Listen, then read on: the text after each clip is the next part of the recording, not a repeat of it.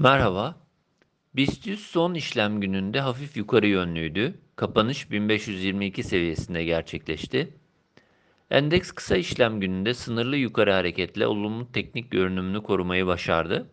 BIST'te saatlik, günlük ve haftalık periyot için ortalamalardaki yukarı eğilim, yükseliş hareketini desteklemeye devam ediyor.